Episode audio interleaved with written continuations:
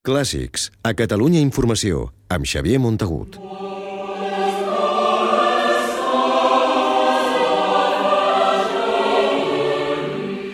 Els tresors de la Biblioteca de l'Orfeó Català ja estan a l'abast de tothom i amb un sol clic.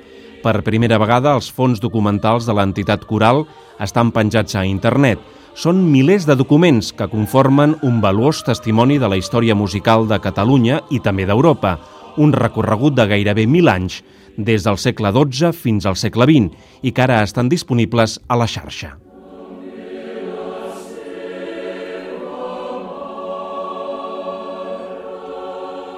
La Biblioteca de l'Orfeó Català és un dels conjunts documentals privats més importants d'Europa en la seva especialitat.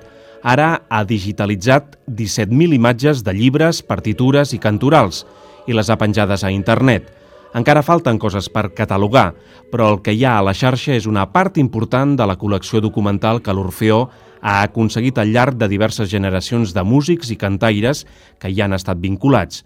Una cinquantena d'aquests documents han donat origen a l'exposició Tresors de la Biblioteca de l'Orfeó, la primera mostra virtual que organitza l'entitat coral. Només cal connectar-se a l'adreça tresorsbiblioteca.palaumusica.cat.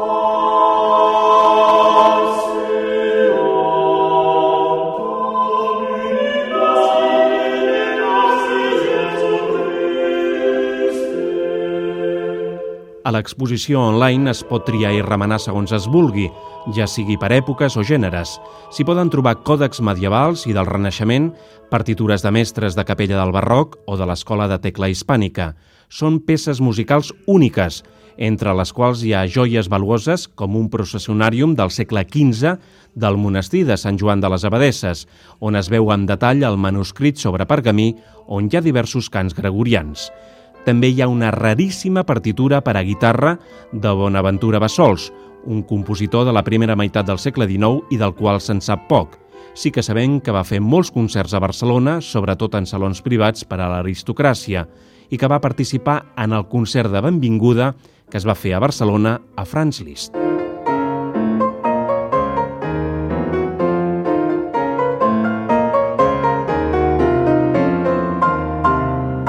Alguns dels documents de la Biblioteca de l'Orfeó Català van acompanyats de la seva pròpia música. És el cas d'aquesta famosa obra per a piano, Ibèria, del Benis, de la qual podem veure manuscrits autògrafs d'algunes pàgines. I una altra joia, Les ensalades de Mateu Fletxa, un únic exemplar incomplet editat a Praga al segle XVI. Cada un d'aquests 50 tresors bibliogràfics van acompanyats d'un text explicatiu.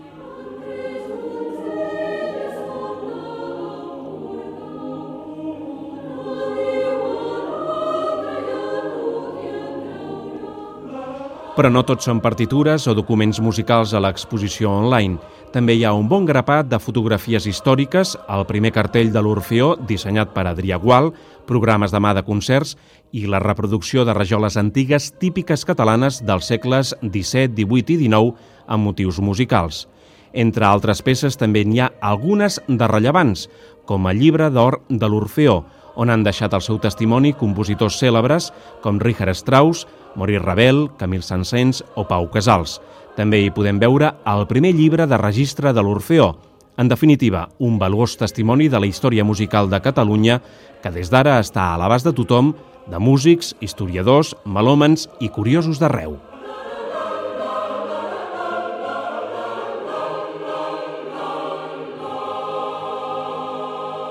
Clàssics, amb Xavier Montagut.